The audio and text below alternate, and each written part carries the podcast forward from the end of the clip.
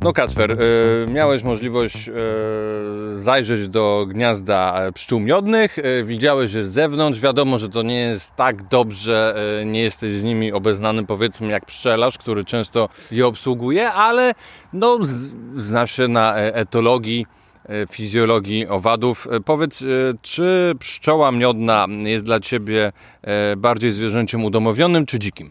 Ja bym powiedział tak, to jest istota dzika, która toleruje w swoim otoczeniu człowieka.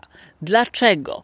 Ponieważ widać, że jest to organizm, który nie jest, powiedzmy metaforycznie, zaprzyjaźniony z człowiekiem. To nie jest organizm, który jest zupełnie spokojny przy człowieku. To nie jest organizm taki, jak przysłowiowo właśnie pies, krowa, koza, nawet jakaś kura, że sobie ją weźmiesz, pogłaszczesz, yy, pójdziesz z nią, ona pójdzie za tobą.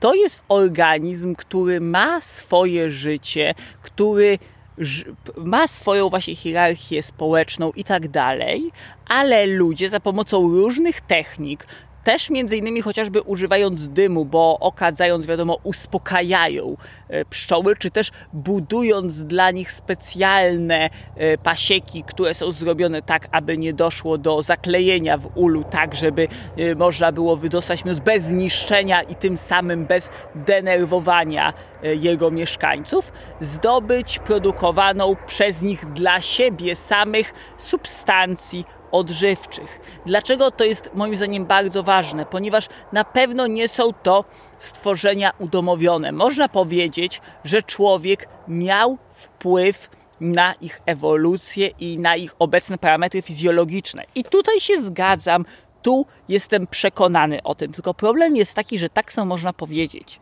że pasożyt miał wpływ na ewolucję swojego żywiciela, a z kolei drapieżnik miał ewolucyjny wpływ na obecną populację swoich ofiar. Dlaczego? Ponieważ wiadomo, że skoro były polowania, czy były zwierzęta wykorzystujące żywicieli, to na skutek selekcji przetrwały te, które były w stanie się temu opierać, więc siłą rzeczy uległy pewnej modyfikacji. Z drugiej strony, jeżeli mamy symbiozy, czy też w ogóle relacje mutualistyczne między organizmami, to wiadomo, że z czasem zacierają się między nimi granice, albo nawet wręcz nie mogą potem bez siebie żyć i tak dalej, ale jednak mamy wciąż to nie na zasadzie tego, że jeden organizm steruje aktywnie drugim, tylko po prostu na skutek selekcji jeden dostosowuje się do drugiego. I w przypadku pszczół doskonale to widzimy, że my, ludzie, żyjąc z nimi, na początku właśnie próbując im podbierać miód, potem budując dla nich sztuczne schronienia, my ich nie udomowiliśmy. My sprawiliśmy, że te istoty nas tolerują na tyle, aby akceptować to z mniejszym bądź większym, wiadomo, ich intencją fakt, że ludzie regularnie pobierają substancje, które produkują. Więc to nie jest na pewno relacja w sensie udomowienia. To jest wciąż hodowla, czy też życie w otoczeniu istot, które się do nas względnie zhabituowały w celu pozyskiwania od nich zasobów. A to jest gigantyczna różnica. Ale też muszę dodać jako pszczelarz, yy, że no są, wydaje mi się, że mogę coś na ten temat powiedzieć, coś tam wiem. Yy, są rodziny, które mają różne charaktery i różne geny. Są takie rodziny pszczele, które w lesie spokojnie by mogły sobie trwać, powiedzmy w dzikim siedlisku, i takie, które pszczelarz by od razu zlikwidował. Ja powiedzmy mam tutaj dosyć jako hobbysta, pasjonat dosyć dużą tolerancję, natomiast no, są takie rodziny, że tak jak my sobie teraz siedzimy w oddaleniu 10 metrów od ula, to nas by tutaj cięły.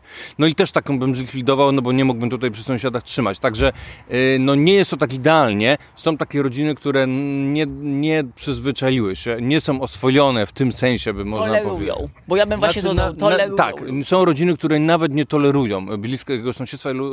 Rodziny i najczęściej pszczelarz po prostu zabija taką matkę, żeby nie siała takimi genami.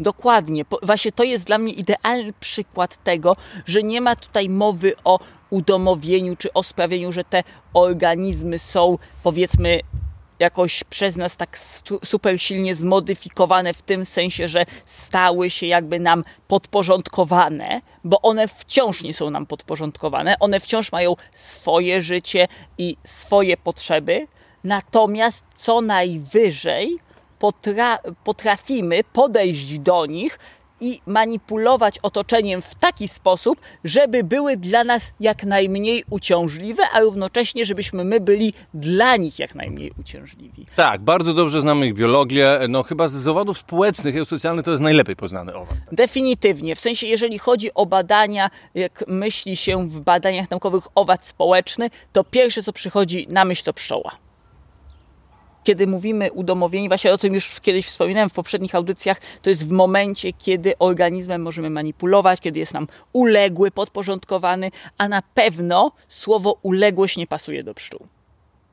No nie, to nawet odwrotnie. Pszczelarz jest uległy i stara się dopasować do e, zachowań do e, pszczoły, do ich reakcji na środowisko i je po prostu znając ich biologię tak przewidzieć, żeby mieć z tego jak najlepszy e, po prostu no, zysk, nie? Dokładnie, dlatego to nie jest hodowla i kontrola w takim rozumieniu, tak. jak mamy zwierzęta hodowlane i dlatego... Na pewno żadnych takich targów jak z, z końmi czy krowami nie dałoby się przeprowadzić, żeby po prostu one się prezentowały posłusznie przed gremium sędziów. Oczywiście, czy chociażby gołębiami. Też trzeba pamiętać, że chociaż hodujemy odmiany, to nie jest tak jak chociażby właśnie skórami, właśnie kogutami, e, indykami, jakimikolwiek innymi trzodami chlewnymi, że możemy z nimi robić co chcemy, stawiać je gdzie chcemy i tak dalej, ponieważ one wciąż się wyrywają i nie jest tak, że są jakoś zależne od człowieka. I to, że na przykład mają obniżoną na przykład odporność, dajmy jakieś grupy pszczół hodowanych przez człowieka, to nic nie znaczy. Dlaczego? Bo one po prostu były hodowane w środowisku, które miały większą szansę na przetrwanie, ale to nie oznacza, że